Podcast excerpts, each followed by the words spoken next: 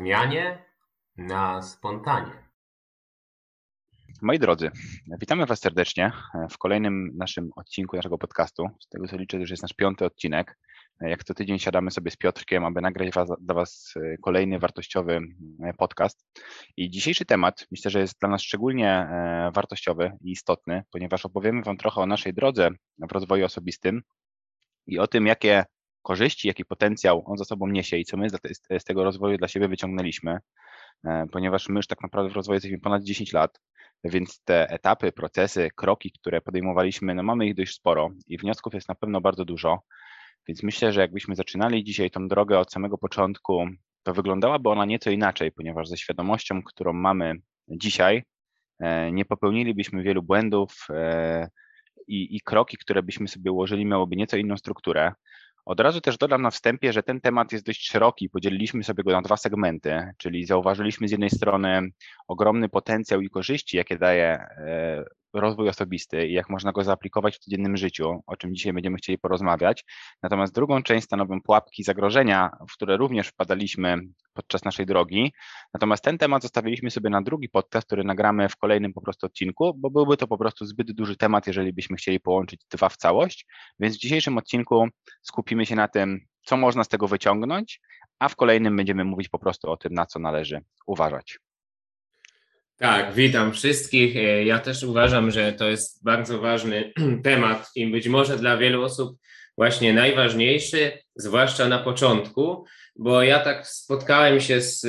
takimi reakcjami, jeżeli mówię ludziom, ludziom um, czym się zajmuję, to jak na przykład mówię o tym, że się zajmuję programowaniem, albo że pracuję jako programista, czy tam jako inżynier, jeżeli na przykład y, jest taki okres w moim życiu, że się głównie tym zajmuję, albo po prostu z jakichś powodów w ten sposób odpowiem, no to przeważnie wszyscy wszystko wiedzą i jest to dosyć jasne i ewentualnie pada jakieś tam pytanie, w czym programujesz, albo jakiego języka używasz, albo jakiego narzędzia.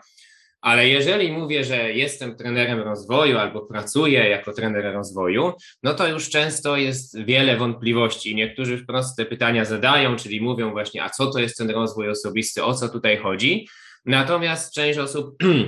nie wyjaśnia tego, nie próbuje sobie tego doprecyzować, ale na przykład ma jakieś skojarzenia i te skojarzenia czasami są pozytywne, ale bywają, bywa też tak, że one są negatywne i pewnie to wynika z tego, co ty Paweł wspomniałeś, czyli to, że rozwój osobisty niesie ze sobą zarówno szanse, jak i zagrożenia, są tam zarówno możliwości, jak i pewne pułapki i tak właśnie zaplanowaliśmy sobie te dwa podcasty. Natomiast niewątpliwie jest tak, że dzisiaj to, co rozumiemy jako rozwój osobisty, osobisty,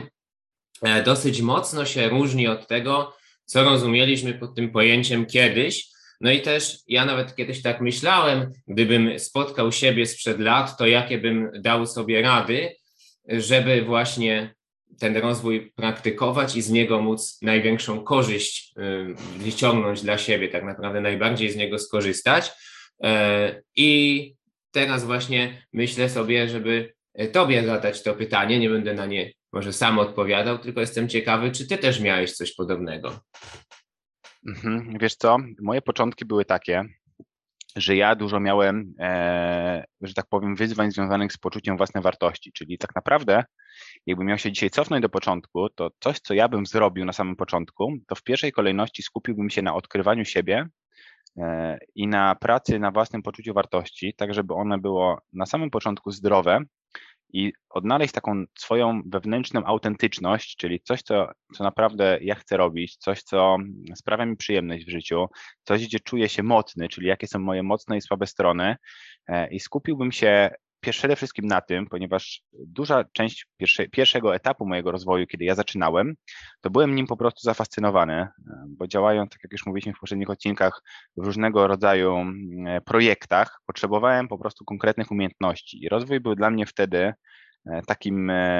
taką, takim środowiskiem, które dostarcza mi gotowych strategii, i modeli, w jaki sposób realizować siebie w pewnych kontekstach. Natomiast ja nie zastanawiałem się jeszcze wtedy, czy to w ogóle jest coś, co ja chcę robić. Po prostu zachłysnąłem się tym od strony tego, że widziałem, że to działa i dałem sobie wmówić, że to jest coś, co jest dla mnie fajne i po prostu szukałem na wszelkie możliwe sposoby, strategii, jak optymalizować. Czyli powiedziałbym, że wychodziłem trochę z, takiej, z takiego założenia, że mam taką trochę dziurę wewnętrzną, którą ten rozwój, te strategie mają zakleić, czyli bardzo dążyłem do tego, żeby być jakiś. To jest, ja to jako metaforę zawsze mówię, że to jest trochę tak, jakbym chciał dziś wybudować dom, ale nie zastanowiłbym się pierw, co ja naprawdę chcę w tym domu, jakie pomieszczenia są dla mnie ważne, jakie potrzeby ma ten dom dla mnie zaspokajać, jakie funkcje ma on dla mnie pełnić, tylko wszedłbym na jakąś stronę internetową albo do jakiejś gazety, zobaczyłbym tam zdjęcie, gdzie jest napisane idealny dom i całe, całą swoją energię przez kilka lat inwestował w to, żeby ten idealny dom z tej gazety stworzyć, a tak naprawdę dopiero potem zastanowił się, gdy już do niego wejdę, czy to jest dom, w którym ja naprawdę chcę mieszkać i odkrył, że to e, nie jest w ogóle zgodne z moimi wartościami, z moimi potrzebami. Więc to, co ja bym zrobił na samym początku, to przede wszystkim i tutaj też od razu nadmienię, że pracowałbym w tym procesie indywidualnie, e, sensie indywidualnie z kimś, czyli z kimś, kto, kto rozumie, jak ten proces ma wyglądać, ponieważ o ile pozyskiwanie różnego rodzaju strategii e, było dla mnie po prostu łatwiejsze, bo można było na to spojrzeć z boku, o tyle praca na poczuciu wartości jest dość trudna, ponieważ bardzo ciężko czasami na samego siebie spojrzeć z boku. To powodowało, że wielu mechanizmów ja po prostu nie dostrzegałem. Więc pomimo tego, że nawet po latach mam dość sporą wiedzę, to i tak korzystam ze wsparcia, bo dużo łatwiej jest po prostu zapytać kogoś, kiedy on e, z boku spojrzy na mnie, niż ja sam na siebie. E, I tak jeszcze przechodząc do sedna, to co ja bym jeszcze zrobił, to właśnie zrobił dokładny audyt tego, gdzie obecnie jestem, bez wpływu różnych e, osób, które mi mówią, jak moje idealne życie ma wyglądać, czyli gdy już miałbym zdrowe poczucie wartości i akceptuję siebie takim, jakim jestem, to zastanowiłbym się, podzieliłbym swoje życie na pewne obszary. Ja używałem do tego e, ćwiczenia, które nazywa się kołem życia, czyli koło życia jest to pewien diagram, e, diagram kołowy, który dzieli po prostu nasze życie na poszczególne obszary i w tych obszarach, e, które zazwyczaj oczywiście możemy sobie wypełnić samemu, ale tam są też pewne wypisane, które dla większości osób będą kluczowe w życiu, czyli czy to będzie zdrowie, relaks, rozrywka, przyjaciele i znajomi, rodzina, e, finanse, kariera, standard życia. Określiłbym po prostu, na ile czuję się usatysfakcjonowany w każdym z tych obszarów, a następnie zdefiniował, jak bym chciał, żeby te obszary wyglądały. Czyli co to znaczy dla mnie, jeżeli na przykład moje zdrowie jest na poziomie 5, to jak chciałbym, żeby moje zdrowie wyglądało docelowo, czyli co to dla mnie by znaczyło, że moje zdrowie byłoby na przykład na poziomie 10 i wtedy już miałbym pewną drogę, czyli miałbym punkt A, gdzie jestem obecnie, punkt B, gdzie chciałbym być, a na tej podstawie dopiero wyznaczyłbym i szukałbym pewnej strategii, czyli jakie kroki muszę wykonać, żeby e, dojść z punktu A do punktu B, Dalej, które obszary dla mnie są najbardziej istotne, czyli co, na czym mi na początku najbardziej zależy i jakich zasobów mi czasem brakuje, bo może być tak, że też będą obszary, tak jak chociażby dla mnie był rozwój, na niektórych mogą być finanse, może być to rodzina, która będzie ci na przykład wspierać i będzie to tak zwany obszar dźwignia, czyli jak w pierwszej kolejności zadbasz o ten obszar, to on ci pomoże również realizować inne obszary. Więc e, tyle ode mnie. Ja też odbiję to pytanie do Ciebie, no bo mówię, każdy z nas miał inną drogę, więc mnie również bardzo ciekawi, Piotrek, jak to wyglądało u Ciebie. Tak, myślę, że wiele tutaj moich doświadczeń jest e, zgodnych z tym, o czym Ty wspomniałeś. Mnie to od razu mm, przypomniało taką koncepcję piramidy Maslowa, gdzie nie będę tutaj się odnosił dokładnie do tego, jakie tam potrzeby są na tej piramidzie, w jakiej kolejności, natomiast cały ten koncept obrazuje po prostu pewną zasadę, że jeżeli mamy jakieś potrzeby, nazwijmy to niższego rzędu i one są niezaspokojone, no to my wtedy nie myślimy o tych potrzebach wyższego rzędu. I jakby w tym kontekście odwołuje się do Maslowa, a nie dokładnie do tych potrzeb, które on wymienił na swojej piramidzie, no bo tutaj można z tym troszeczkę polemizować ale sama ta koncepcja dla mnie bardzo rezonuje właśnie ze mną i u mnie trochę było tak, że na początku ten rozwój pełnił rolę taką bardziej zadaniową, czyli że mm, były takie obszary właśnie chociażby jak finanse, czy tam stabilność finansowa, czy umiejętność takiego podstawowego relacjonowania się z ludźmi, gdzie ja na przykład odbieram to jako takie potrzeby podstawowe, że jeżeli to jest niezaspokojone, no to trudno myśleć o czymś dalej, na przykład o misji życiowej. I wiele osób, nie wszyscy, żeby było jasne, nie, nie chcę sprowadzać tego tutaj, że wszyscy mają to dokładnie tak samo, bo niektórzy mogą mieć na przykład inne potrzeby niezaspokojone i ten audyt, o którym ty mówisz, właśnie w bardzo fajny sposób pozwala odkrywać ten, te, te, te problemy. Ale z mojej obserwacji właśnie dużo osób tak ma, że też zaczyna powiedzmy od tych takich obszarów bardziej technicznych, konkretnych, zadaniowych. I jak to jest y, załatwione, przynajmniej na jakimś przyzwoitym poziomie, to potem się odkrywają kolejne potrzeby. I u mnie właśnie tak było, że odkryła się ta kolejna potrzeba, którą właśnie była zdrowa samoocena, czy też budowanie poczucia własnej wartości. I odpowiadając na to Twoje pytanie, jakie rady bym e, dał sobie, to właśnie byłoby to coś na zasadzie, że zauważ, że jakby na tym etapie życia, na jakim jesteś, to kluczową Twoją potrzebą jest zbudowanie zdrowego poczucia wartości, bo masz w tym momencie to poczucie zachwiane i to wynika z różnych iluzji, w które wierzysz. I nie jest to ujmą Twoją, że wierzysz w te iluzje, ponieważ one wynikają z tego, jak naturalnie umysł człowieka działa w kontekście poznawczym czy też emocjonalnym w związku z czym nie możesz się za to obwiniać, ale musisz to zrozumieć. I to jest Twój priorytet na tą chwilę. Priorytet dlatego, że jeżeli to przepracujesz, to wpłynie to na wszystkie inne obszary Twojego życia, czyli te rzeczy, które już są w pewnym stopniu właśnie zadbane, czyli tak jak te finanse, czy, czy kwestie na przykład przyjaciół, których wtedy miałem bardzo fajnych, miałem bardzo fajną ekipę, ale jednak no wszystko to pójdzie jeszcze bardziej w górę, jeśli zadbasz o to poczucie wartości. Tu już na poziomie takim szczegółowym powiedziałbym sobie właśnie coś w rodzaju, że to wszystko wynika z takiej absurdalnej narracji w głowie, którą sobie tworzysz, że na przykład gdzieś tam ludzie są ustawieni na jakiejś drabinie społecznej, jedni są lepsi, drudzy są gorsi, jedni są cool, inni są frajerami. Jak ty coś zrobisz, to od razu jesteś kwalifikowany jako jeden z nich i jak będziesz tym frajerem chociaż przez chwilę, to jest strasznie źle i musisz cały czas gonić za tym, żeby być tym cool właśnie co już samo w sobie cool nie jest, chociaż pytanie w ogóle, co to znaczy cool, ale to kiedyś tam pewnie sobie to bardziej rozkminimy. I zamiast wierzyć w te absurdalne narracje, to stań trochę tak z boku, obserwuj te myśli i zauważ, jaki absurd w tym wszystkim jest, jakie to wszystko jest nieskładne, jak to płynie tak naprawdę nie z ciebie i z twojej racjonalnej decyzji, a z pewnych różnych historii, które zostały ci wtłoczone, czy to przez programowanie społeczne, czy to przez kolegów, czy przez kogoś tam jeszcze innego. Zostało to wszystko gdzieś tam sklejone w taką trochę papkę i ty w to teraz wierzysz. I jeszcze do tego bym powiedział sobie, skup się na emocjach i odczuwaj te emocje na przykład wstydu, kiedy jesteś odrzucony albo krytykowany i zaczyna się to wszystko w tobie e, gotować. I jak zaczniesz przeżywać te emocje, to w którymś momencie zauważysz, jako taki powiedzmy bierny obserwator tego, że to zaczyna być takie neutralne już dla ciebie. Czyli neutralne w kontekście takim, że jakby jesteś w stanie już z tymi emocjami wytrzymać, jesteś w stanie z nimi być, i wtedy też nagle okaże się, że pewne dążenia, które masz w tej chwili, zupełnie znikną. Bo u mnie właśnie było dużo takich dążeń jak to czasami sobie mówimy, kompensacyjnych, czyli takich, które miały na celu tak naprawdę to, żeby to poczucie wartości jakoś sobie e, skompensować, czyli przez chwilę poczuć, że ono jest lepsze, żeby nie odczuwać tych wszystkich emocji związanych z zaniżonym. I moje cele na przykład były nadmiernie ambitne, jakieś przesadzone. I to w ogóle były rzeczy, których, których w ogóle nie chciało mi się robić, co do których nie byłem przekonany, które nie były spójne ze mną, ale chciałem je robić ze względu na to, żeby skompensować to poczucie wartości. I w momencie, kiedy te emocje zacząłem um, do siebie dopuszczać i z nimi jak gdyby wytrzymywać, być, później się zaprzyjaźniać, to okazało się, że te narracje zaczęły puszczać, zacząłem po prostu zauważać absurd w nich, podważać je i to otworzyło mi drogę do dalszego rozwoju, który później się już roz, jakby jak drzewo trochę rozrastał w różnych kierunkach.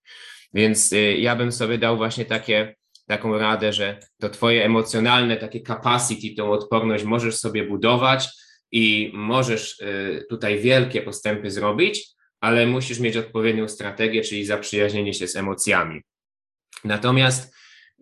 też to, co na początku w tym rozwoju osobistym mi przyświecało i czego też długo szukałem, to było coś takiego jak poszukiwanie takiego wspólnego mianownika. I teraz po wielu latach mam takie wrażenie, że ten wspólny mianownik w pewnym sensie istnieje, ale trzeba to dobrze rozumieć. Czyli zastanawiam się nad tym właśnie, jak to na przykład e, ty widzisz, jak to od twojej strony wygląda, czy taki właśnie wspólny mianownik istnieje jak e, by, jakby to powiedzieć, czy ten rozwój i te rzeczy, których się tam uczymy, to są takie rzeczy uniwersalne.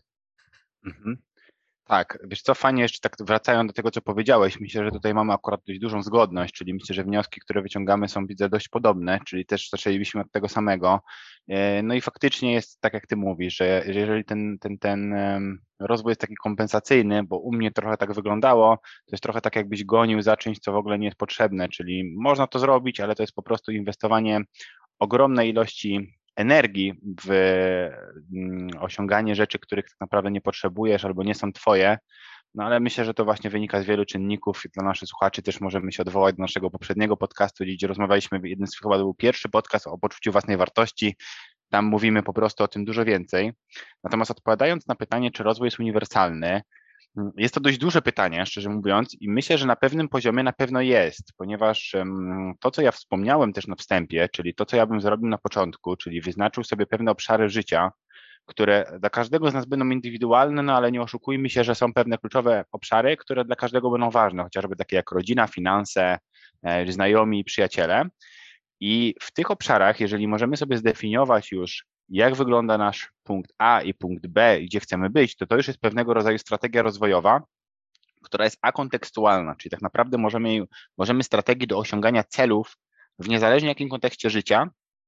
jest to strategia rozwojowa, czyli to już jest przykład, że ona jest uniwersalna i działa wszędzie. I takich strategii i modeli e, mamy, uważam, w rozwoju bardzo dużo, albo przynajmniej to jest rozwój, który ja definiuję. I zrozumienie tego, że niezależnie jaki kontekst życia czy obszar życia, nazwijmy obszarem życia sobie wybierzemy, to istnieją tam pewne kryteria, które dają w tym obszarze satysfakcję i istnieją pewne kryteria, które tej satysfakcji nie dają. I zazwyczaj, jeżeli wyróżnimy sobie jakąś grupę osób, która e, ma powtarzalny powtarzalny zbiór działań, które wykonuje w tych obszarach, to jesteśmy w stanie dojść szybko do wniosku, że te działania wpłyną na to, że w tym obszarze te osoby mają satysfakcję. I mnie to zawsze ciekawiło, jak to zrobić, czyli co trzeba zrobić, żeby e, powiedzmy wyciągnąć sobie taki model i z czego on wynika. I właśnie tak jak e, mówiliśmy w jednym z poprzednich podcastów, że film, jeden z pierwszych filmów, który ja obejrzałem, to był film Sekret, który tłumaczył, że jak będziesz myślał w określony sposób, tam było to tłumaczone jako myślenie pozytywne, to będziesz tworzył rzeczywistość. Natomiast ja po latach rozwoju mogę powiedzieć, że to jest zbyt uproszczony schemat i mało kto potraktuje go poważnie. Natomiast jeżeli weźmiemy pod uwagę, że nasze myśli, w które wierzymy, wpływają na to, jak się odczuwamy i determinują nasze działania, no a działania już mają realny wpływ na naszą rzeczywistość, bo będą miały konsekwencje w postaci tego, e, co się dzieje w naszym świecie zewnętrznym. I tak naprawdę moment, w którym dzisiaj jesteśmy w naszym życiu, jest w dużej mierze wypadkową albo w 100% prawie, że wypadkową działań, jakie się wydarzyły w naszym życiu do tej pory, czyli tak, tych kroków, które podjęliśmy, a to wynikało też właśnie z tego, co myślimy na swój własny temat, na swój, na temat to rozumiejąc to, że faktycznie przekonań, o których mówiliśmy poprzednio, który jest typowo modelem rozwojowym, model chociażby wdrażania pewnych nawyków, czyli w jaki sposób wprowadzać i automatyzować pewne działania, które będą dla nas korzystne, sprawi, że możemy patrzeć na rozwój jako taką dużą umiejętność, która pozwoli ci e, no jakby osiągnąć satysfakcję i sukces w wielu konkretnych obszarach życia, bo będziesz w stanie po pierwsze szybciej się wielu rzeczy nauczyć, bo będziesz rozumiał, jak się uczyć i będziesz również w stanie zidentyfikować i przeanalizować, które umiejętności bądź sposoby myślenia w danych kontekstach są najważniejsze i wpływają na całkowity jakby sukces w danym obszarze życia. Takie jest, taka jest jakby moja odpowiedź na ten temat. Natomiast y, też odbijam to pytanie do ciebie, bo interesuje bardzo i też mnie ciekawi to, jak, jak ty na ten temat po prostu patrzysz. Tak, myślę, że mm, też tym sekretem tutaj mam doświadczenie takie podobne w sensie, że ten film mm, oglądałem na jakimś początku swojego rozwoju i wtedy rzeczywiście wydawało mi się, że takie pozytywne myślenie wszystko rozwiązuje, czyli rozwiązuje wszystkie problemy. I żeby było jasne, uważam, że pozytywne myślenie y, dużo daje, tylko że też trzeba je odpowiednio definiować, czyli nie jako myślenie życzeniowe, a myślenie na przykład, że nawet jeśli mi nie wyjdzie, to sobie poradzę i też je opierać na jakichś sensownych fundamentach, ale ale nie chcę tutaj się rozwlekać, natomiast no to też była taka właśnie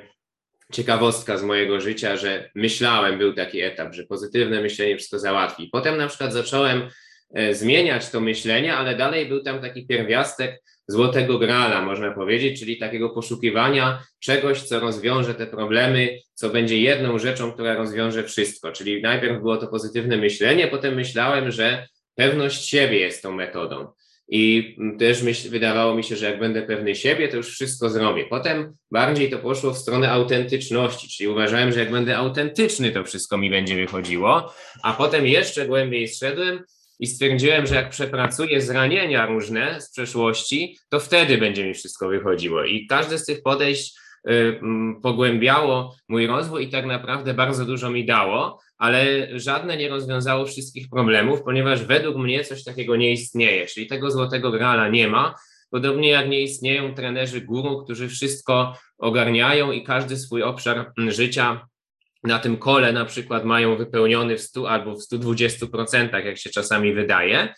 Natomiast no, nie jest to też tak, że ten wspólny mianownik jest to jakaś zupełna nieprawda, tylko uważam, że nie można te, iść z tym za daleko i przesadzać, że właśnie coś posiąda, jakąś umiejętność i ona wszystkie rzeczy mi w życiu załatwi. Natomiast ja to widzę bardziej jako takie umiejętności bazowe, czy też meta umiejętności, czyli pewien zbiór umiejętności, które pozwalają ci innych technicznych, na przykład umiejętności, po pierwsze szybciej się uczyć, i to jest to, o czym ty wspomniałeś, a po drugie też łatwiej i skuteczniej przekuć te umiejętności na jakiś konkretny sukces życiowy, jakkolwiek byśmy go rozumieli. Czyli przykładowo, jeśli jako taką umiejętność bazową weźmiemy sobie komunikację, bo według mnie jest to jedna ewidentnie z, z umiejętności bazowych, a jako umiejętność taką wyższego rzędu weźmiemy sprzedaż, gdzie ona opiera się w dużej mierze na komunikacji, no to jeśli ktoś komunikację ma bardzo dobrze opanowaną, to szybciej się nauczy sprzedaży i też tą sprzedaż lepiej wykorzysta do tego, żeby na przykład zarobić pieniądze albo zbudować relacje z klientami, no bo będzie w stanie oprócz tego, że mm, potrafi sprzedawać, to na przykład będzie w stanie znaleźć produkt w ogóle, który chce sprzedawać albo stworzyć takowy produkt. Znowu dzięki komunikacji będzie w stanie łatwiej tam te rzeczy opanować, więc, więc to jest to według mnie, że meta umiejętność to jest coś takiego, co ci pozwala a szybciej się uczyć i b to, czego się nauczysz, przekuć łatwiej na sukces. Tak ja to widzę. No i um, też y, myślę sobie o tym, że y, i też myślę sobie o tym, że warto by było sobie zdefiniować, co to są za e, umiejętności, czyli co w ogóle wchodzi w skład tego rozwoju osobistego. Czyli powiedzmy, jak myślisz rozwój osobisty, masz na myśli w pewnym sensie taki zbiór różnych elementów, które tam w nim są. I co to są za elementy? Okay, wiesz co? Fajnie, bo ty też to pokazałeś tutaj, bo ja patrzyłem na początku na taką ramę trochę, że faktycznie rozwój jest uniwersalny z perspektywy tego, że daje ci już pewien model tego, jak patrzeć na wiele obszarów, czy że tam faktycznie jest jakaś struktura. Czyli dla mnie rozwój, jego uniwersalność wychodziła też z tego, że możesz wyciągnąć bardzo szybko, albo przynajmniej ja już nauczyłem się tego robić, strukturę z każdego obszaru i rozumieć, jakie tam e, są, czy chociażby z zasady Pareto, kluczowe obszary, o które trzeba zadbać i kluczowe aktywności, które będą wpływały na e, finalny sukces w tym obszarze. Natomiast to, co fajnie, co ty pokazałeś, to jest to, że też są właśnie takie umiejętności bazowe, tak to nazwijmy, czyli można powiedzieć, że są pewne umiejętności, ja to tak przynajmniej rozumiem, które jeżeli e, opanujemy, to one będą też bardzo przenikały pomiędzy obszarami, bo tak fajnie pokazałeś, jeżeli chodzi o komunikację, no to ja akurat pracuję w sprzedaży, to faktycznie komunikacja, jednym, jednym jej zastosowaniem będzie to, że umiesz lepiej komunikować wartość swojego produktu do klientów, rozumieć jego potrzeby i tak dalej, i tak dalej, czyli rozumieć całą strategię komunikacyjną i o co w niej chodzi, ale na przykład komunikacja też może posłużyć do zarządzania swoim zespołem, jeżeli taki jest, czyli żeby lepiej przekazywać założenia, jakie zespół miałby wykonać i o co w ogóle chodzi w projekcie, można komunikację wykorzystać również e, w związkach, ponieważ to jest, znaczy nie można, tylko to jest jeden z filarów związków. Jeżeli mamy związek, to on się opiera naprawdę na komunikacji, więc to jest kolejny kontekst. Nawet jeżeli byśmy mieli rozrywkę, to jeżeli mamy jakieś wyjazdy zorganizowane, to tam też również komunikacja ma swoje przełożenie. E, I takich obszarów, jeżeli chodzi w rozwoju, ja bym mógł wyróżnić bardzo wiele, natomiast myślę, że nie ma czasu aż tyle, żeby powiedzieć o wszystkich, więc e, jakbym miał wybrać kilka z takich obszarów, no to właśnie jednym z takim, który jest dla mnie najbliższy, to była zawsze komunikacja, ponieważ ja rozumiałem właśnie sprzedaż, że sprzedaż to jest tylko i wyłącznie jakaś strategia komunikacyjna, która pozwala przenosić przekonanie z siebie na klienta, natomiast jakbym miał tylko i wyłącznie opisać te obszary, to możemy tu wyróżnić chociażby finanse, czyli jak, w jaki sposób patrzeć na pieniądze, w jaki sposób postrzegać pieniądze, w jaki sposób, jakie, jakie są zdrowe przekonania na temat pieniędzy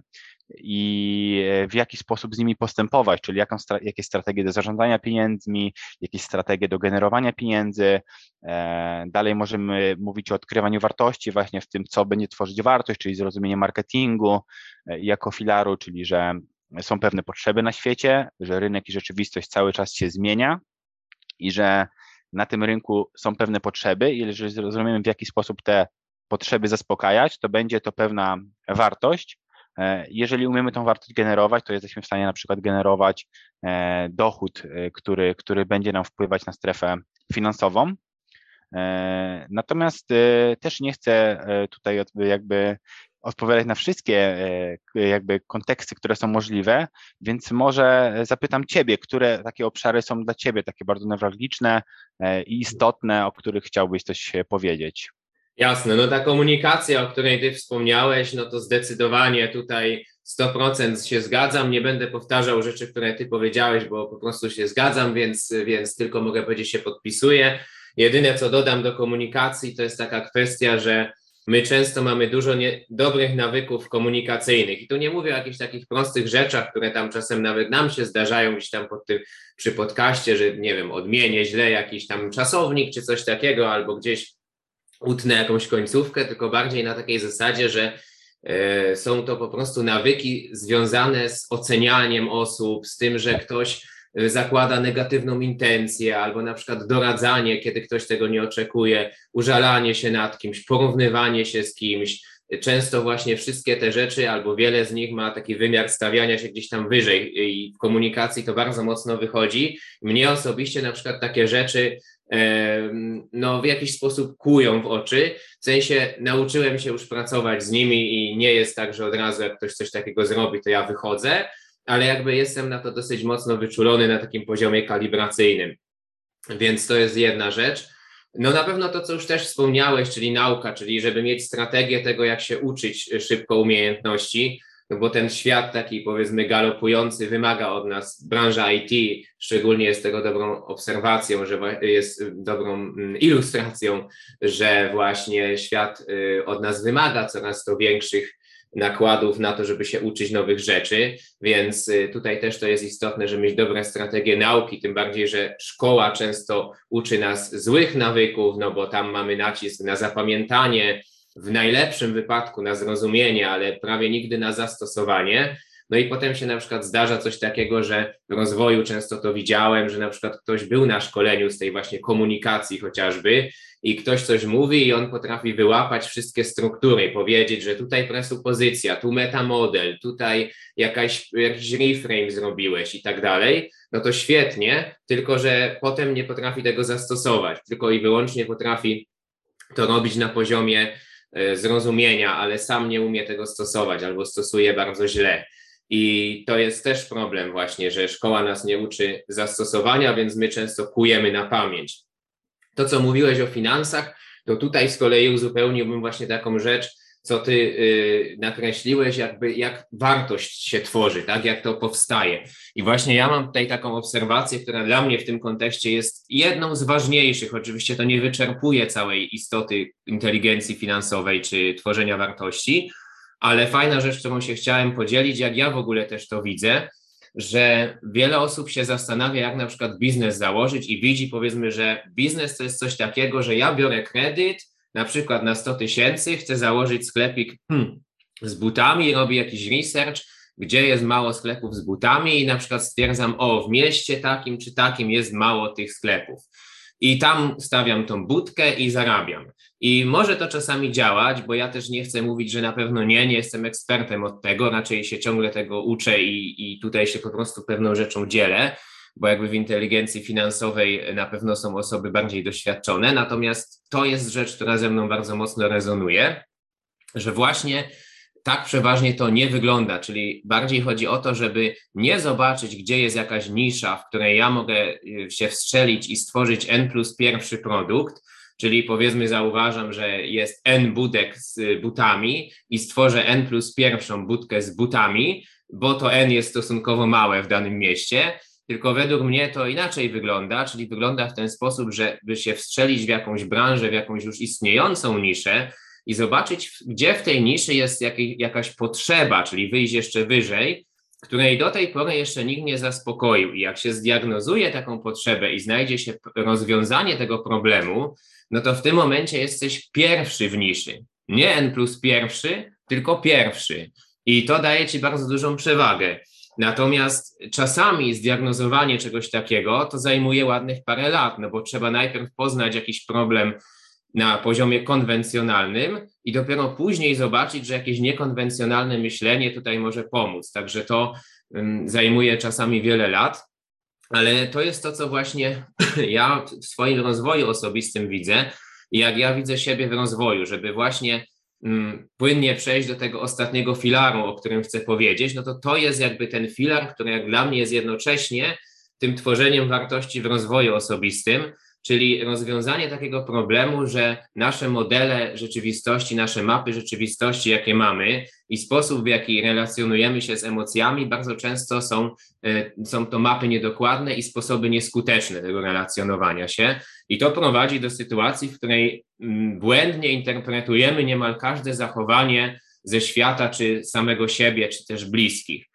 I mm, problem jest taki, że ludzie myślą sobie, no nie, no ja jestem racjonalny, albo ktoś może na przykład pomyśleć słuchaczy, że no ale jak ja mogę oceniać jego mapę,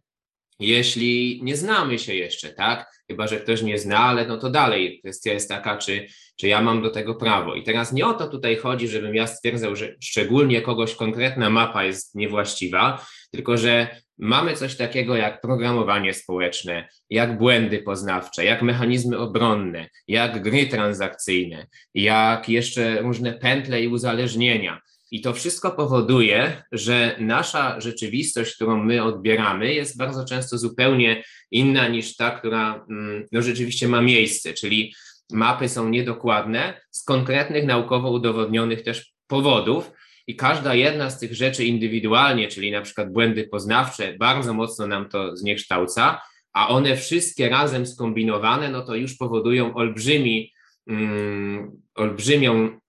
lukę w tym zniekształce, w, ty, w tych właśnie postrzeganiach rzeczywistości, y, mocno ją po prostu zniekształcają. No jak wszystkie te rzeczy weźmiemy i jeszcze później my zaczynamy robić pewne rzeczy i budować ten swój tunel rzeczywistości, to jeszcze bardziej to zniekształcenie powiększamy, no bo w tym momencie zaczynamy robić pewne rzeczy, które później racjonalizujemy i jakby nasze przekonania się samo potwierdzają i odlatujemy coraz dalej. I ktoś powie, no ten problem po części został rozwiązany, bo już nawet te stare szkoły rozwojowe o tym mówiły, że tutaj jest zniekształcenie percepcji, ale problem był taki, że oni próbowali rozwiązać ten problem, dając nam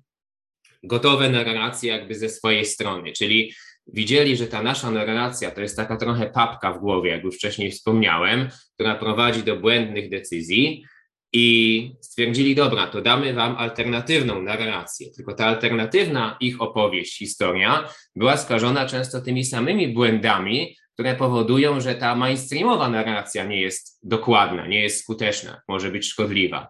I właśnie istota tego problemu jest taka, że rozwiązaniem nie jest zamiana jednej papki na drugą papkę, tylko eliminacja papki. Ale nie da się jej wyeliminować, jeśli się nie zrozumie tego, jak ona się tworzy, jak ona powstaje. Więc to jest jakby trochę to moje miejsce w rozwoju, żeby pokazać te wszystkie rzeczy, jak one wzajemnie ze sobą wchodzą w reakcję i co na finale powoduje, że nasza mapa jest często niedokładna, a my potem się dziwimy, że podejmujemy błędne decyzje. Tak, no myślę, że to, co ty mówisz, to w dużej mierze może nawiązać do tego, co dzieje się w ogóle w programowaniu społecznym, czyli to, że pewne koncerny, korporacje starają się wmówić nam pewien obraz rzeczywistości, który e, jest dla nich korzystny, ponieważ jeżeli wmówimy ludziom, że mają być jacyś, mają kupować określone produkty, to będzie to w dużej mierze rzutowało na to, jakie oni decyzje zakupowe będą podejmowały i to oczywiście wpływa na to, że te korporacje mają z tego zyski. Oczywiście nie chcę tutaj dzielić tego, że korporacje są jakieś złe, czy tam tego nazywać, natomiast to jest jeden e, z przykładów, który ja widzę, czyli cała narracja właśnie medialna i tak dalej buduje pewien obraz człowieka, który jest teoretycznie człowiekiem sukcesu i mało kto z nas zastanawia się dzisiaj, czym dla niego tak naprawdę jest sukces, tylko właśnie bierze tą taką, jak ty powiedziałeś, fajnie papkę, która jest nam podana na tacy i stara się pozyskać pewne strategie, żeby, tą, e, żeby do tej papki po prostu dojść. I to jest właśnie też przykład, o którym ja mówiłem, dlatego na początku, że ja tak zaczynałem właśnie, czyli że ktoś dał mi papkę, powiedział, że tak będzie wyglądało moje szczęśliwe życie. Ja przez to, że miałem dość mało doświadczeń, to kupiłem po prostu tą papkę i starałem się szukać strategii. A dopiero z czasem odkryłem właśnie to, że kluczem jest szukać swojej autentyczności. I jest to też, trzeba powiedzieć, z góry proces dość długotrwały, bo my jesteśmy w rozwoju tak naprawdę już ponad 10 albo ponad 10 lat, z tego co ty jesteś ponad 10 lat.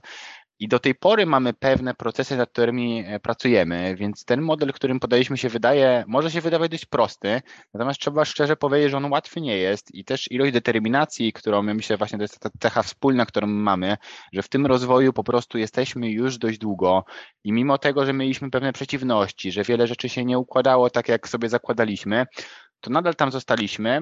i to jest też fajny przykład tego, że to jest prawdopodobnie, albo ja, przynajmniej po mojej stronie jest to prawie, prawie że pewne, że jest to gdzieś ukryte głębiej, czy jest to gdzieś na poziomie tego, że zawsze mnie to ciekawiło, zawsze czułem dużo energii, żeby się zajmować tym tematem, zawsze chciałem się dzielić i dawać ludziom wartość w ten sposób, bo wiedziałem, że to jest prawdziwa wartość, do której nie muszę dorabiać jakiejś specjalnej ideologii, tylko faktycznie, jeżeli ktoś wdroży pewne zmiany i zastosuje pewne narzędzia psychologiczne, rozwojowe, to będzie widział namacalne efekty w swoim życiu i jakość tego życia się poprawi. To też dawało mi takie przekonanie, że to jest faktycznie, nazwijmy to produkt, taki wirtualny albo niewirtualny, który ja czuję, że on pomaga innym ludziom. Czyli miałem bardzo duże przekonanie do tego, ponieważ po pierwsze widziałem, że to działa u mnie, a z drugiej strony widziałem, że to też działa mm, dla innych osób. I mm, też właśnie, może ja zapytam Cię trochę o to, bo to mnie ciekawi, czyli co sprawiło, co sprawia jakby Twoim zdaniem, że została w nas właśnie ta determinacja i że mimo wszystko byliśmy w stanie mierzyć się z tymi wszystkimi wyzwaniami, które się pojawiały na drodze i cały czas się rozwijać i też nie odpuścić, bo jakby też jeszcze może nadmienię jedną rzecz, że ja jakby w każdej dziedzinie też widzę takie różne poziomy osób, które dołączają, czyli z jednej strony można przyjść tylko i wyłącznie na poziomie klienta, czyli ktoś ma jakiś problem i chciał sobie ten problem rozwiązać, on to zrobił, no i opuścił daną branżę, czyli tak na przykład idziemy do lekarza, no nie każdy, kto pójdzie, albo nieliczne, nieliczne osoby, które były lekarza, chciałyby zostać lekarzem, po prostu dużo osób, albo kucharzem, idziemy czasem do restauracji, kupujemy sobie jakieś danie, chcemy po prostu dobrze zjeść, ale jemy i nie obchodzi nas w ogóle ten kontekst. Oczywiście będzie też rzesza osób, które będą bardziej zainteresowane tematem, czyli czasem sobie tam coś ugotują, ściągną sobie jakiś przepis z książki kucharskiej albo z internetu i będą, nazwijmy to, takimi entuzjastami gotowania. Natomiast jest wąska grupa ludzi, która jest e, jakby wykracza moim zdaniem ponad te kanony, czyli nie tylko chce się zajmować swoimi problemami, ale na przykład chciałaby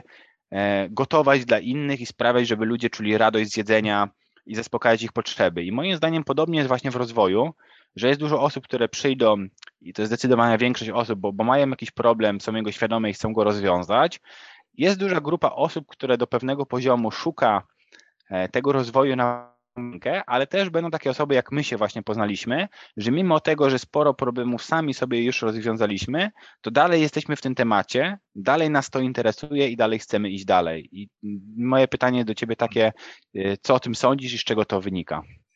Fajna metafora w ogóle jest y, z tym kucharzem, bardzo mi się to podoba, bo, bo ona podkreśla jedną rzecz, którą ja często powtarzam, że właśnie ten kucharz, jakby powiedzieć tutaj w odniesieniu do Twojej do Twojego przykładu, to nie jest ktoś, kto, nie wiem, jest na przykład lepszy od mechanika, albo że kucharz jest lepszy od, kurczę, nie wiem, ślusarza, tak? Bo to są jakieś tam zawody i każdy z tych zawodów jest społeczeństwu potrzebny. Więc uważam, że trener rozwoju osobistego to też jest zawód, który jest społeczeństwu potrzebny, ale to nie jest bardziej, nie wiem, potrzebne niż pieczenie chleba, tak? Chociaż można by to tam na jakiejś piramidzie Maslowa właśnie roz, rozpisać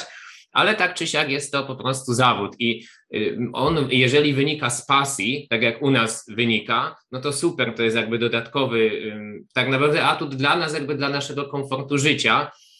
bo się czujemy świetnie z tym, chociażby nagrywając te rzeczy, ale właśnie to jest kwestia tego, że czasami ktoś przychodzi do rozwoju i on sobie tylko tam zje bułeczkę, rozwiąże swój problem i idzie. I to jest ok. Natomiast y, uważam, że lepiej będzie, jak ktoś y,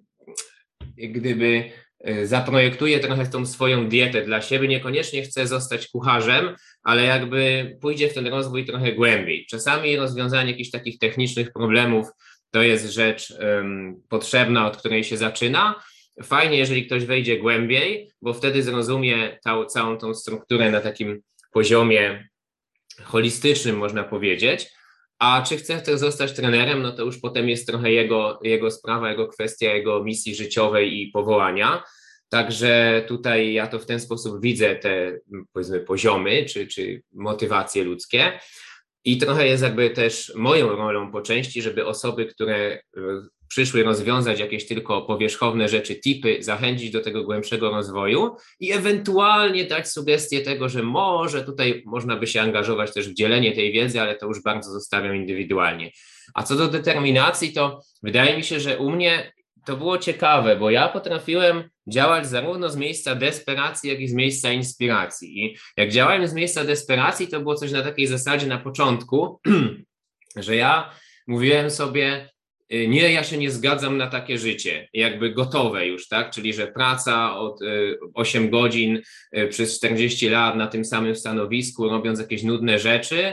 mieszkanie, mały Fiat i takie tam historie, to ja się na to nie zgadzałem. Ja mówiłem, nie, ja chcę czegoś innego, ja chcę, żeby moje życie inaczej wyglądało. Ja chcę jak gdyby, żeby ono było bardziej znaczące, w sensie takim, żeby miało konkretne znaczenie dla mnie, żebym ja czuł, że żyję tak naprawdę, a nie żeby to było od pierwszego do pierwszego albo na zasadzie takiej, że e, jestem taki ledwo żywy, takie zombie trochę chodzące. Jak widziałem niektóre osoby, to miałem wrażenie, że właśnie tak to wygląda, że ich życie to jest takie szare życie, takie zombie właśnie. I ja nigdy nie chciałem być takim zombie i mówiłem sobie, ja wszystko zrobię z miejsca desperacji takiej, że mi się to bardzo nie podoba, żeby tak nie było. I później też y, tą pewność siebie budowałem na początku z miejsca desperacji, bo mówiłem, nie, nie, nie, nie mogę być frajerem, który pozwala sobie cisnąć, ale później zaczęły się te rzeczy zmieniać, bo przepracowałem właśnie to poczucie wartości to wiele czasu trwało, długi czas, długi okres, ale y, jak to się zmieniło, to zacząłem działać z miejsca inspiracji i to też potrafiłem, bo nagle zauważyłem, że y, coś takiego w życiu odkryłem, jakby trochę takie mistyczne stany, może stan flow jakiegoś głębokiego, albo jakieś takie coś, czego nie da się opisać, trzeba to poczuć po prostu. I im bardziej się rozwijałem, tym więcej miałem tych rzeczy. Więc z miejsca inspiracji dalej mi się chciało działać, bo dalej widziałem, że mi to coś daje. I chyba jakby takim wspólnym mianownikiem jest to, że ja ciągle widziałem, że mi to coś daje, więc dla mnie jakby naturalną rzeczą było, że ja po prostu nie mogę przestać, bo, no bo jak mam tyle tutaj korzyści, to dlaczego miałbym przestać? Mnie nie musiał nikt motywować.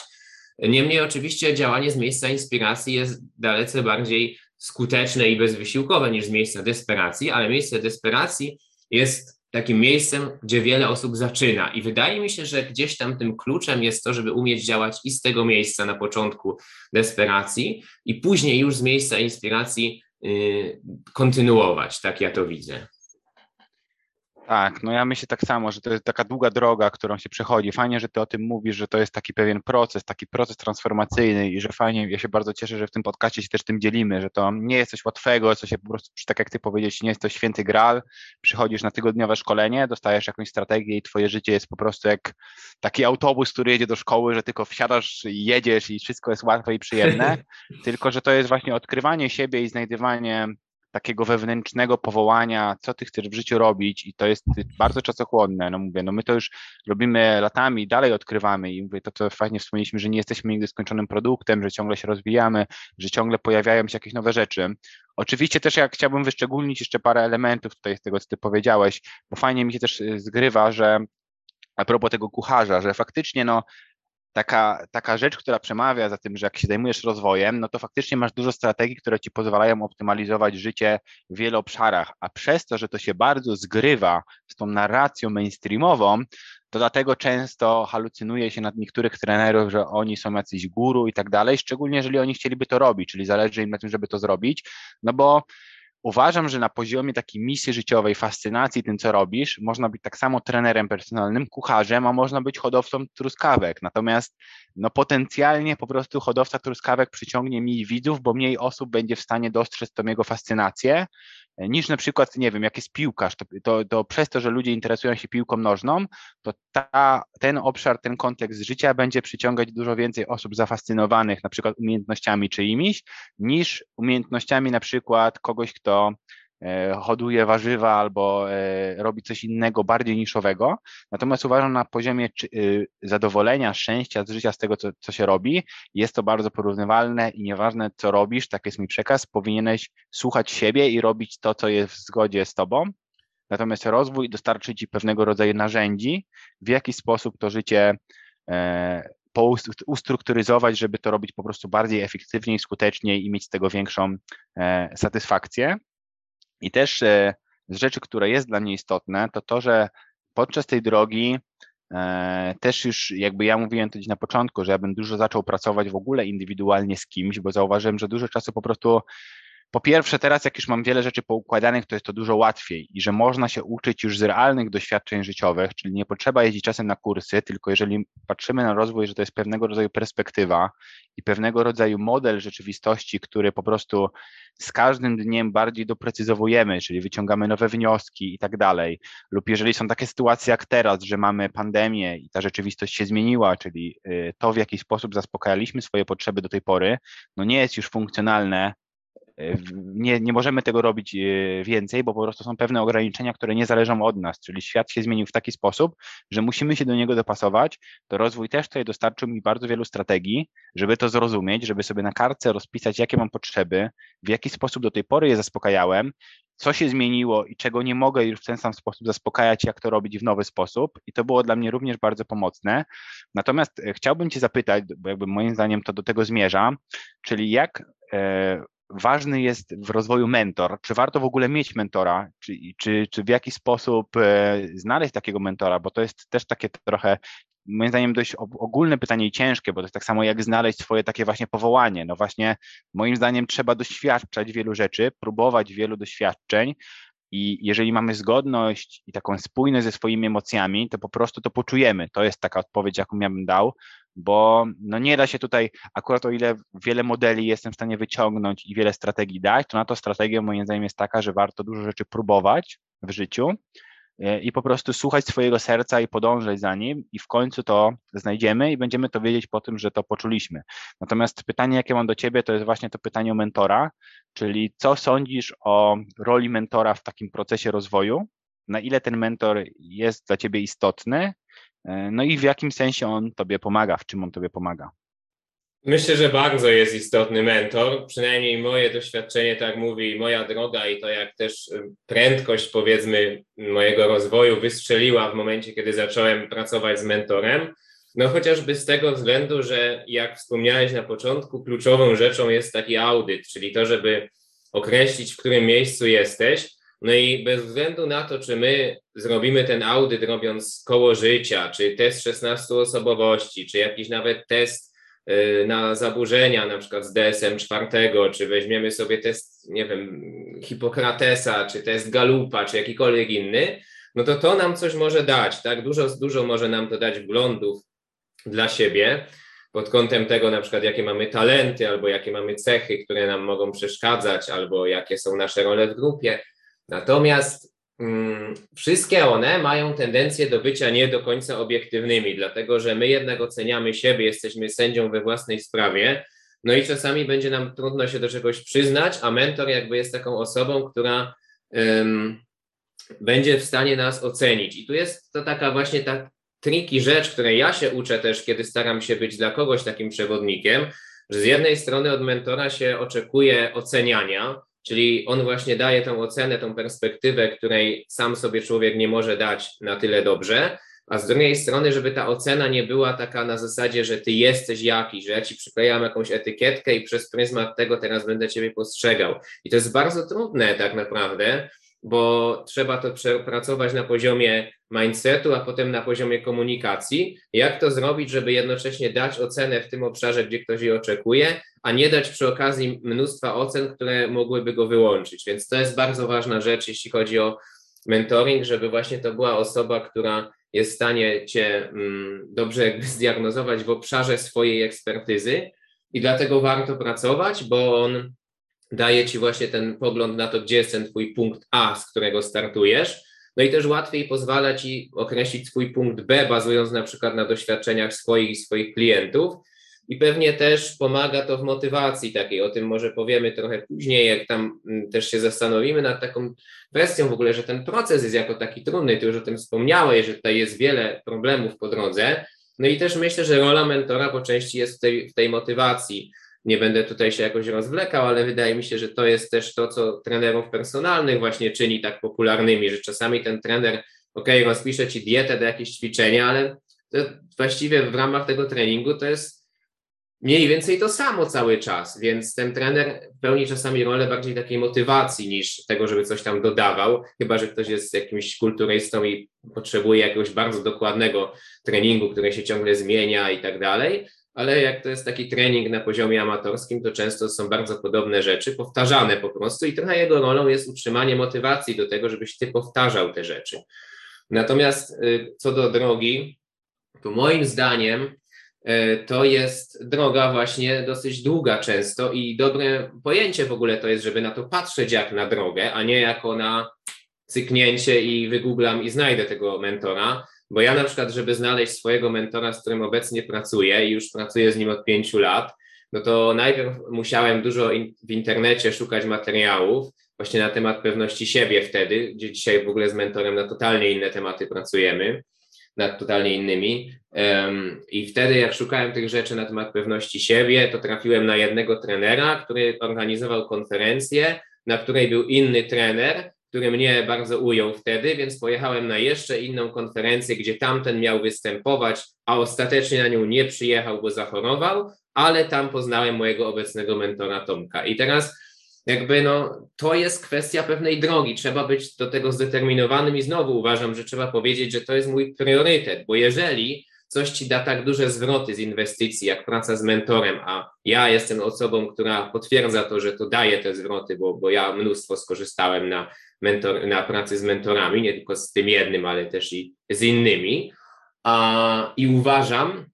że jeżeli coś daje tak duże zwroty, to to trzeba potraktować jako priorytet, a jeśli coś jest Twoim priorytetem, no to Ty nie szczędzisz na to czasu, czasami nawet pieniędzy, wysiłku, bo to jest dla Ciebie bardzo ważne. I ważne jest to, żeby to traktować jako taką drogę, że jak mi nie wyjdzie, nie od razu go znajdę, nie od razu mi będzie ktoś pasował, to okej, okay, bo to jest pewnego rodzaju podróż. Także y, dla mnie samo w sobie szukanie i znalezienie tego mentora już jest z jednej strony wyrazem determinacji, a z drugiej strony jak już go znajdziesz, to później jest ci łatwiej tą motywację też utrzymać, więc, więc z mojej perspektywy no bardzo ważna rzecz. Tak, no fajnie, że tak wyczerpująco odpowiedziałeś na to pytanie. Myślę, że bardzo wiele kwestii poruszyłeś, które też ja bym poruszył, więc nie będę może ich powielać. Jedyne, co tylko chciałbym wspomnieć, to że faktycznie uważam, że ten mentor jest bardzo istotny i bardzo potrzebny albo przynajmniej zaoszczędzi nam bardzo wiele zasobów, czasu, energii i tak dalej. I możemy ten proces po prostu przejść dużo sprawniej. I o ile e, mielibyśmy, ja też nie chcę ograniczać, że trzeba mieć jednego mentora, bo wręcz zachęcam, żeby korzystać z różnych modeli lub w różnych obszarach życia mieć różnych mentorów, ponieważ dla mnie mentor to jest też osoba, która rozumiesz trochę ten proces, czyli po części przez niego przeszła lub przeprowadziła wiele osób. Czyli może być na przykład trener, który jest trenerem, ja widziałem w boksie. Czasem niektórzy trenerzy w boksie widziałem, że nie byli wybitnymi zawodnikami, natomiast dokładnie zauważali, co jest istotne, żeby osiągnąć sukces w tej dziedzinie i byli w stanie tak pokierować zawodnikiem i mieli właśnie strategie komunikacyjne, umieli rozmawiać ze swoim zawodnikiem, żeby go zmotywować do tego, żeby on wykonał pracę i ten proces przeszedł. I to jest też właśnie bardzo istotne, że dla mnie taki dobry mentor jest trochę taka nawigacja, czyli on cię zapyta na początku, gdzie chcesz zmierzać jeżeli ty podasz, określisz dobrze punkt A i punkt B, to on będzie w stanie rozumieć mniej więcej, jakie trudności na tej drodze mogą się pojawić i będzie w stanie cię wspierać w tym procesie, żebyś z niego nie zboczył, bo o ile na przykład jak ja trenowałem sobie, e, na, powiedzmy, że na siłowni, no to, to, to, nie miałem takiego zwątpienia, bo, bo, dużo rzeczy było bardzo mierzalnych, czyli wielu, e, u wielu osób może być takie trochę przekonanie, że jeżeli czymś się zajmujemy i robimy w tym jakiś postęp, to ten postęp zawsze będzie sprawiał, że nam jest łatwiej. Bo na przykład na siłowni łatwo możemy zmierzyć na przykład, jak ktoś ćwiczy pod względem kulturystyki, to że ma przerosty mięśni. No to to nie będzie normalne, że, że jakiegoś dnia nagle będzie miał duży spadek, a kolejnego dnia wzrosty. Natomiast w rozwoju, jak się pracuje szczególnie z poczuciem własnej, własnej wartości, to to, co ja zauważyłem, to to, że po pierwsze bardzo ciężko na siebie spojrzeć z boku, czyli są rzeczy, których nie chcemy o sobie widzieć i mentor jest w stanie tak pokierować tym procesem, żebyśmy tego dotknęli, a dotknięcie tego naprawdę spowoduje bardzo korzystną dla nas zmianę, czyli ona faktycznie będzie przechodziła przez chwilowe turbulencje i będzie to, będą to okresy chwilowe nieprzyjemności, natomiast jeżeli patrzymy na to długoterminowo, jako na taką właśnie długą drogę, to to jest niezbędne, żeby zrobić jakikolwiek postęp dalej i rozwiązać sobie jakieś problemy. I mogą być takie sytuacje, i to jest właśnie wniosek, który ja miałem po wielu latach takiego swojego rozwoju, że kiedyś myślałem, że to będzie tylko łatwiej i lepiej, a z czasem doszedłem, że właśnie te momenty, kiedy chwilowo czuję się gorzej i można by pomyśleć, że coś poszło nie tak albo idę w złą stronę, to są właśnie te, e, te dobre momenty, i te momenty korzystne. I gdybym nie miał osoby, z którą mogę to skonsultować, to prawdopodobnie mógłbym z tego procesu e, no wyłączyć je po prostu, zboczyć z tej drogi albo go zatrzymać i nie chcieć pójść dalej. Więc to jest też dla mnie bardzo istotne, że ktoś, kto e, z kim mogę o tym porozmawiać, kto rozumie, że takie rzeczy się pojawiają i on już ma ten spokój, bo wie, że to jest coś, co naturalnie się pojawi po prostu w trakcie drogi, że będzie zwątpienie i tak jak ty powiedziałeś, będzie w stanie, jedną z korzyści dużą jest to, że będzie w stanie nas wspierać w tym i że my też będziemy tacy zobowiązani trochę, żeby wykonać tą pracę, bo jeżeli komuś płacimy, jeżeli poświęcamy kogoś czas, angażujemy go w nasz proces, to mamy takie to też jest jeden z mechanizmów takich socjalnych, że czujemy się dużo bardziej zobowiązani do tego, żeby konsekwentnie robić to, do czego się zobowiązaliśmy, a jeżeli jesteśmy tylko i wyłącznie zobowiązani e, według samych siebie, no to często jest tendencja do tego, żeby to po prostu odpuścić. E, no i mówię, i, i, w niektórych kontekstach życiowych te mierniki będą łatwiejsze, bo tak jak czy przy biznesie, czy przy pracy z ciałem, możemy dużo łatwiej mierzyć pewne rzeczy, tak? Przy pracy takiej wewnętrznej jest to dość bardzo subiektywne i naprawdę nie jest łatwo znaleźć osobę, która po pierwsze współgra z nami, bo to też jest ważne, żebyśmy się dograli na potrzebie, na poziomie naszych wartości, na poziomie tego, jak widzimy nasze życie i żeby ta osoba e, po prostu, żebyśmy mogli jej zaufać, to jest myślę najważniejsze, a z drugiej strony, żeby ta osoba rozumiała ten proces i była w stanie nam pomóc go e, pokonać. Więc e, Tyle ode mnie, jeżeli chodzi o mentora. No jeszcze jedna rzecz, która też, którą ja jeszcze Cię dopytam, która jest jeszcze poza mentorem, to co poza mentorem Twoim zdaniem jeszcze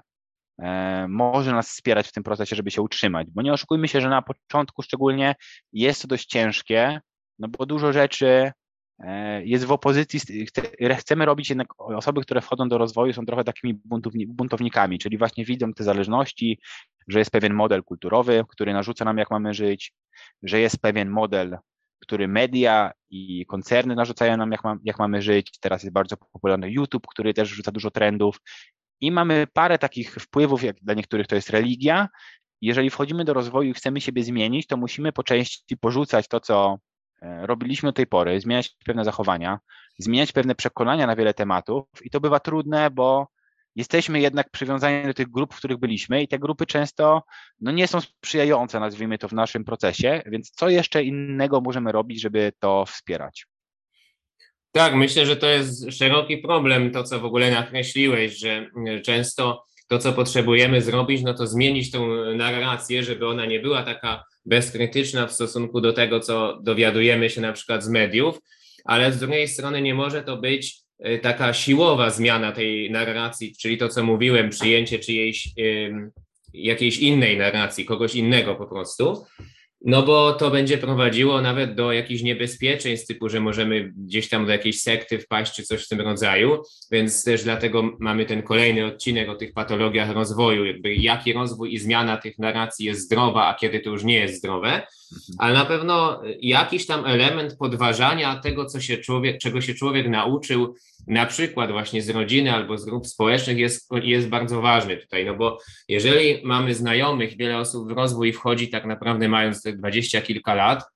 gdzie często wszystkie grupy znajomych to są jakieś tam osoby ze szkoły czy ze szkół, ewentualnie z pierwszej pracy, z jakichś tam studiów. I tak naprawdę to są trochę randomy te osoby, w sensie takim, że czasami ktoś wylosuje dobry los na tej loterii i pozna na przykład przyjaciela na całe życie, dajmy na to w szkole średniej czy w pierwszej pracy, albo pozna żonę gdzieś tam na akademii, ale to są takie szczęśliwe losy. Natomiast bardzo często mamy te losy mniej szczęśliwe i na przykład tkwimy w jakichś tam mm, towarzystwach, które nie do końca nam odpowiadają, no ale jakby tkwimy w nich, no bo alternatywą jest nie mieć znajomych w ogóle. No i właśnie w momencie, kiedy przychodzimy do rozwoju i widzimy coś takiego, że my możemy tak naprawdę łatwo poznawać ludzi, więc możemy zbudować nowe kręgi znajomych. Co więcej, możemy mm, mieć komunikację, uczyć się tej komunikacji na poziomie takim asertywnym, żeby to było bez agresji, żeby to było partnerskie, czyli standardy, które mamy odnośnie wzajemnego szacunku są coraz wyższe, no to widzimy, że w tych grupach, w których jesteśmy, już nam przestaje to odpowiadać. I stąd się bierze ten opór, jak dla mnie właśnie, że rozwijamy się, ale dostajemy opór z tych grup, bo zaczynamy kwestionować takie status quo, które tam od wielu lat było. To samo w rodzinach się często dzieje, bo przecież rozwój osobisty nam mówi o schematach między innymi, tak? Bo modele rzeczywistości, a schematy to już jest bardzo blisko siebie. O tym mówiliśmy trochę i wiele schematów pochodzi z rodziny. I teraz, jeżeli mamy taki schemat, powiedzmy, typowy, gdzie tam dajmy na to jakiś senior rodu albo jakaś babcia, y, wszystkim poucza, co mają robić i czym się zajmować, a babcia ma mapę sprzed 50 lat, no to może niekoniecznie jest dobre, żeby za tą mapą podążać. Ale w wielu rodzinach jest to utarte, że taka osoba ma rację, że nie wolno tego kwestionować, bo to byłaby jakaś obraza. I znowu ktoś w rozwoju się uczy, że no okej, okay, ale ja teraz na poziomie racjonalnym jestem w stanie to podważyć, czy to jest dobre, czy złe. Ja mogę to zweryfikować, czy to są dobre rady, bo mam jakieś dane, jakieś liczby na przykład na to. No i zaczyna to kwestionować i z rodziny dostaje opór, bo znowu mm, kwestionuje to status quo rodzinne. Więc tego oporu jest dużo. No i wreszcie ten opór płynie z nas samych, bo to to, co mówiłeś, że na przykład praca z poczuciem wartości jest trudną pracą, bo tam jest dużo konfrontacji z emocjami i są takie dołki, są takie zjazdy, więc nie zawsze nam się chce. I ten progres czasami musimy nawet um, jakby trochę tak na wiarę wziąć, że mamy jakiś zjazd, ale, ale to będzie mm, finalnie skutkowało czymś dobrym.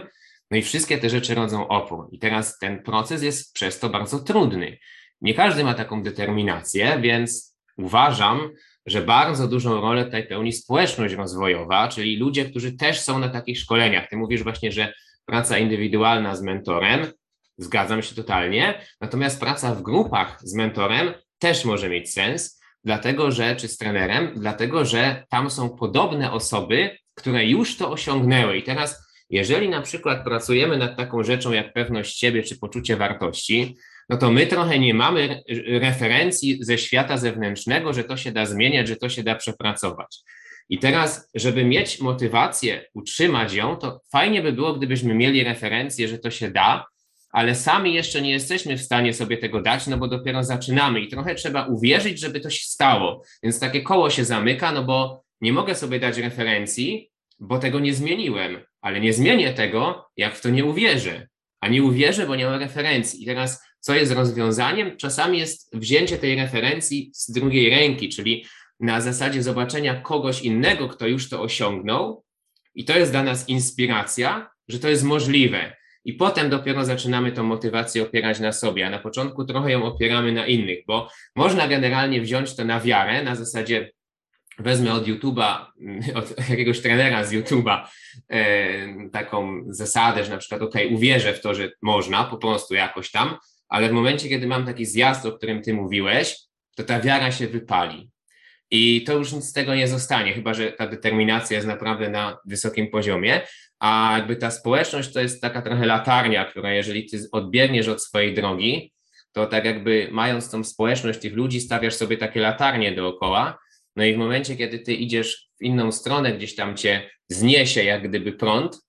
to widząc te latarnie wiesz, w którą stronę wrócić. I dla mnie to jest e, właśnie ta rola społeczności rozwojowej i ona pomaga oprócz mentora właśnie w tym, o czym ty wspomniałeś? Mhm, tak, no ja tutaj widzę dwie kwestie. Właśnie jedna jest taka, że trzeba mieć świadomość, że łatwo jest podążać za procesem, kiedy wszystko idzie zgodnie z planem. Natomiast właśnie te momenty, kiedy coś jest nowego, bo to zazwyczaj też wynika z tego, że coś jest nowe, bo te ciężkie emocje, które się pojawiają pierwszy raz, to one są bardzo kluczowe. Jeżeli je przeżyjemy, to mamy wtedy bardzo duży progres, ale ten etap przechodzenia przez to często bywa bolesny. No i właśnie faktycznie ja dużo powiedziałem o tym, żeby pracować indywidualnie, bo to było takie dla mnie taki duży wniosek, że to by po prostu zaoszczędziło mi bardzo dużo czasu i też pieniędzy, bo po prostu jeździłem na, na różne w różne miejsca, które, które nie do końca były przemyślane, bo wierzyłem w ich dużą wartość. E, natomiast też trzeba mieć właśnie świadomość, że z mentorem, czy z, z coachem, e, czy, czy z kimś, kto się na tym zna, nie jesteśmy w stanie pracować 24 godziny na 7. To są raczej spotkania raz na dwa tygodnie, raz na miesiąc czasem, kiedy po prostu ich potrzebuję i zależy od intensyfikacji. Natomiast to, co ty fajnie powiedziałeś, to ta społeczność pozwala być z tobą tak naprawdę 24 godziny na dobę. Oczywiście natężenie tego, intensyfikacja wartości, którą od nich uzyskasz, na pewno nie jest taka sama, bo ktoś nie będzie ci dawać bezpośrednio feedbacku i to jest przewaga mentora, że on już na pewno wie i jest sprawdzoną osobą. Natomiast faktycznie uważam, że dołączanie do pewnych grup, które mają takie same wyzwania, jak my mamy, mierzą się z podobnymi trudnościami w życiu, są na podobnej drodze lub niektórzy z nich będą mniej powiedzmy dopiero na początku tej drogi, niektórzy będą dalej w tej drodze, natomiast ja pamiętam, że ja umiałem czerpać motywację z obu stron, bo z jednej strony jak pomagałem komuś, kto zaczynał dopiero swoją drogę i on widział postępy, to to, że widziałem, że to działa, dawało mi też motywacji dalej, żeby kontynuować swój proces, a z drugiej strony widziałem osoby, które są już dalej w tym procesie, już więcej sobie rzeczy przepracowały i to też jakby motywowało mnie do tego, że to można zrobić i widziałem takie właśnie, tak powiedzieć, to latarnię, czy latarnię, która ci daje światło lub światełko właśnie w tunelu, które podawało mi, że to, co robię, ma sens, bo wydaje mi się, że im ktoś jest bliżej początku tego procesu, tym tych zwątpień będzie więcej, bo to jest pewnego rodzaju, mi się to, to kiedyś ktoś mi fajnie tłumaczył metaforą startu rakiety, że jak rakieta leci w kosmos, to ona potrafi w ciągu startu, czyli tego momentu, kiedy się wybija i wchodzi na orbitę, zużyć 99% paliwa całego, które ma, a nareszcie e, jakby na tym jednym procencie, który zostaje, pokonać tę ogromną odległość, na przykład z Ziemi do, na Księżyc, jak leciała rakieta na Księżyc. I podobnie moim zdaniem jest właśnie w procesach zmiany, czyli jeżeli chcemy coś zmienić, to musimy mieć świadomość, że jest tam pewnego rodzaju momentum, czyli że jest pewna siła i pewne inwestycje decyzyjne podejmowaliśmy przez wiele, wiele lat, które utrzymywały nas w rzeczywistości, którą mamy obecne, obecnie. I teraz nie dość, że potrzebujemy zmienić e, to, co robiliśmy do tej pory, to mamy przeciw sobie bardzo wiele sił, czyli nawyki, mamy właśnie grupy, które się karmiły tym, że tak to działało, bo, jeżeli mamy pewne systemy, czy to znajomych, no to każdy miał w tej grupie pewne korzyści. Teraz jak my się chcemy zmienić, to niektórzy mogą tracić te korzyści i to nie będzie im po prostu na rękę, żeby żeby tracić te korzyści, więc uważam, że na początku właśnie pewnego rodzaju społeczności, pojawianie się na pewnych eventach, które są zgodne z, naszym, z, naszym, z naszymi wartościami i tematycznie pasują do tego, co chcemy robić, jest naprawdę bardzo dużą wartością, chociażby już nie mówię od strony nawet merytorycznej, że możemy się tam czegoś nauczyć, jakieś poznać ciekawe strategie, które możemy wdrożyć, ale właśnie od tej strony, że widzimy, że jest tam bardzo wiele osób, które przechodzą przez podobną drogę, są na różnych etapach tej drogi, ale są również zdeterminowani i one dają bardzo dużo takiej energii wewnętrznej e, i motywacji i determinacji, żeby w tym procesie po prostu e, pozostać. Więc myślę, że na dzisiaj to chyba tyle. Mamy jeszcze ja jeszcze myślę, że może warto tutaj się zastanowić jeszcze nad jedną rzeczą, zanim e, skończymy, bo to jest też dla mnie ciekawe i te, też się nad tym zastanawiałem, jak byłem e, w rozwoju, na takich właśnie eventach, czy takich rzeczach, o których Ty wspomniałeś, że czasami ktoś nawet ma tego mentora i ma jakiś e, ludzi, którzy go wspierają, a, a jednak dzieje się tak, że robi na przykład małe postępy i, i gdzieś tam te postępy na przykład nie odpowiadają jego oczekiwaniom. I zastanawiam się, nie wiem na ile tak moglibyśmy jeszcze trochę mm, temu mhm. poświęcić, ale wydaje mi się, że można by się nad tym też jeszcze zastanowić. Mhm, okej, okay, no ja właśnie tak myślałem o tym temacie, bo celowo go trochę pominęłem, ale okej, okay, możemy do niego przejść, bo natomiast nie chcę tego pokazać od strony pułapek, bo uważam, że dużo osób, które utknęły w procesie lub czasem, jeżeli mielibyśmy, bo to też trzeba to wziąć pod uwagę, że z jednej strony my tu mówimy, że jak się zmieniasz, to może być pewien opór e, osób, z którymi do tej pory gdzieś tam żyłeś, ale też trzeba patrzeć na to trochę świadomie i brać czasem feedback, bo ja też poznałem właśnie dużo osób, o których dzisiaj nie będziemy mówić, bo to zostawimy sobie na kolejne nagranie, które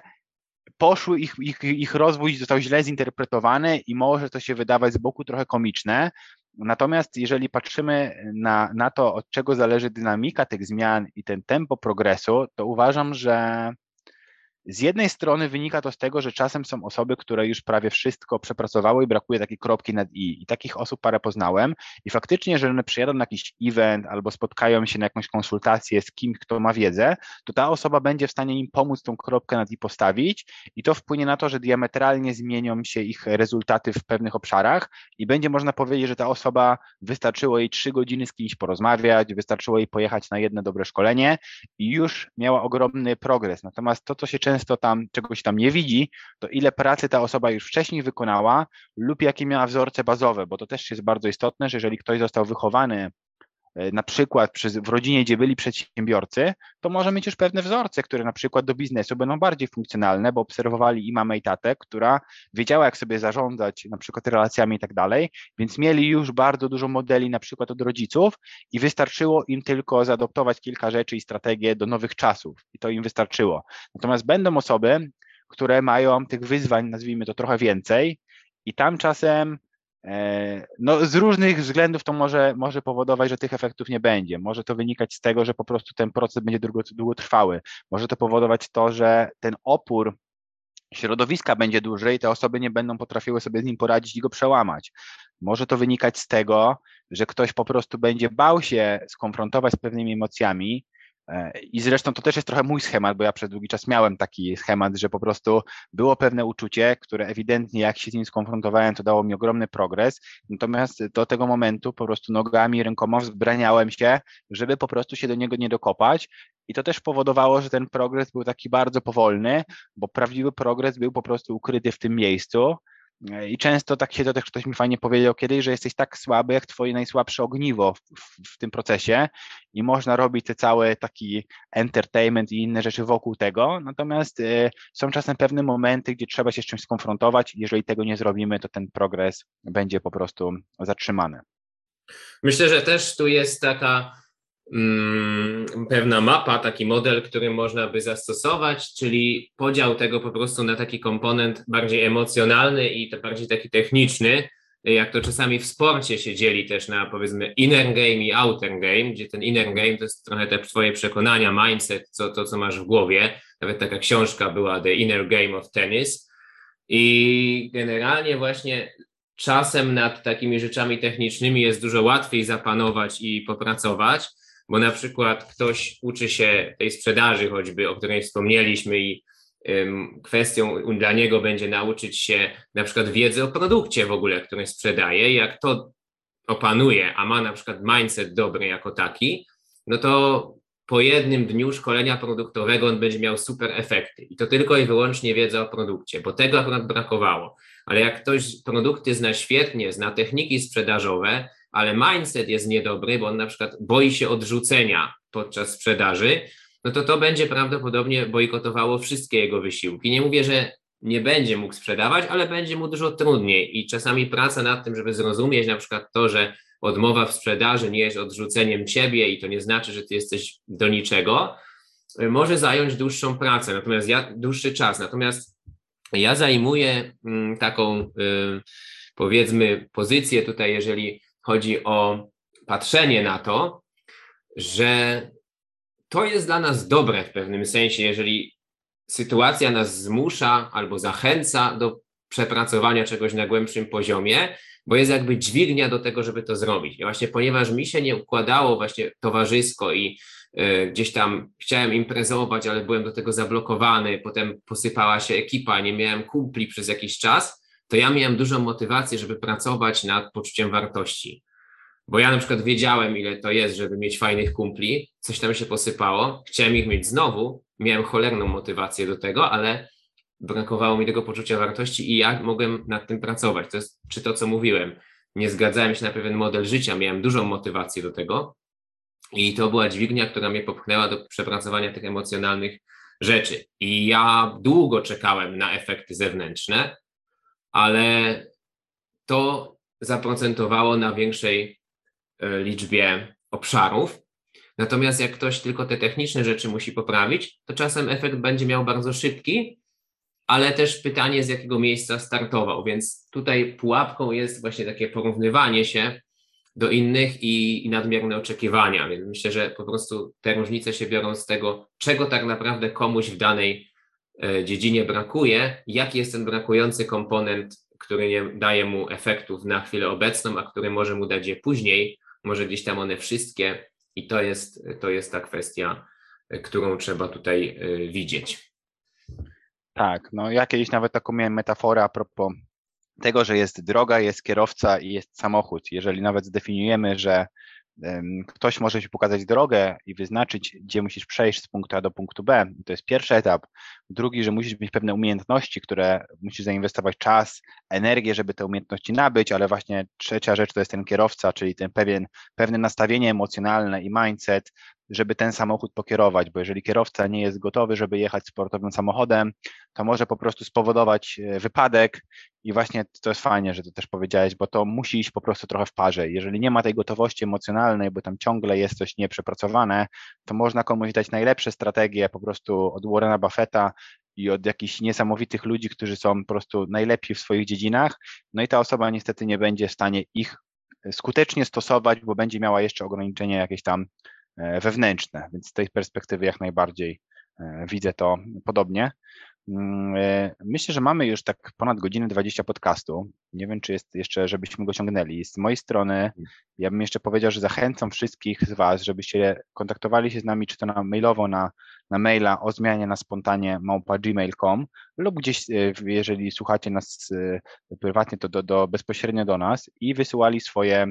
jakieś dodatkowe pytania albo sugestie, co można poprawić, jakieś pomysły na inne tematy, które, o których chcielibyście posłuchać, ponieważ my staramy się to analizować i tak dobierać te tematy, żeby z jednej strony nas też rozwijały i żebyśmy mogli o nich porozmawiać, ale z drugiej strony, żeby również dla Was były ciekawe, interesujące i wniosły po prostu pewną wartość do Waszego życia. Jasne, zachęcam też do tego, jak najbardziej do tego mm, kontaktowania się z nami właśnie, czy w sprawie tego, co możemy dla Was nagrać, czy, czy co poprawić, bo my też to optymalizujemy. My jak nagramy, to później słuchamy tego sami, zanim wypuścimy, więc staramy się też sami pewne rzeczy wyłapać, no ale to jest to, co mówiliśmy, tak, że czasami najlepszy feedback jest od kogoś z zewnątrz, więc was, was też do tego zachęcamy. No i też zachęcamy do tego, żeby się dzielić, jeżeli ktoś na przykład z Was coś tam zastosuje, coś zmieni już w jakiś sposób jego życie, no to dzielić się takimi historiami sukcesu, bo to z kolei dla nas jest takie inspirujące, że czujemy, że o, to co robimy dało komuś wartość, to ma sens, tym bardziej nam się chce wtedy. Chociaż, chociaż tak jak mówię i wielokrotnie to y, gdzieś tam nadmieniamy, że, że tak czy siak czujemy z tego dużą frajdę, ale wtedy będzie ona jeszcze większa. Także dzięki z, z mojej strony za Wam za uwagę i Tobie, Paweł, za fajną rozmowę. Ja również Tobie Piotrek dziękuję, bo myślę, że to będzie bardzo wartościowy e, podcast i też super, ja też dużo rzeczy się uświadomiłem się w trakcie tej rozmowy, więc jak zawsze co tydzień kolejna wartość dla naszych słuchaczy i dla nas, więc ja się bardzo cieszę. No i zachęcam dla osoby, które, to jest pierwszy podcast, do tego, żeby odsłuchać też nasze poprzednie podcasty, bo nagrywaliśmy właśnie i o tematach, które wspomnieliśmy, czyli i o poczuciu wartości, i o modelach rzeczywistości, i o radzeniu sobie z krytyką, i o pewności siebie, i również będą pojawiały się na naszym kanale kolejne odcinki, do których słuchania również Was serdecznie zachęcamy. Dzięki, cześć.